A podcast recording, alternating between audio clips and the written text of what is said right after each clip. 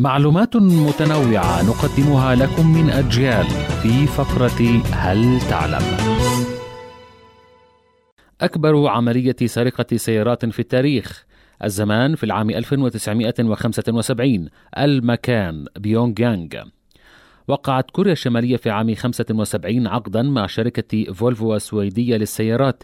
يقضي باستيراد ألف سيارة من طراز فولفو 144 على أن تدفع كوريا الشمالية ثمنهم لاحقا. وصلت السيارات إلى كوريا الشمالية التي لم تكن عازمة على سداد ثمن السيارات أصلا. وفي العام 76 رفعت السويد دعوى على كوريا الشمالية ولم تدفع الأخيرة فلسا واحدا حتى اليوم.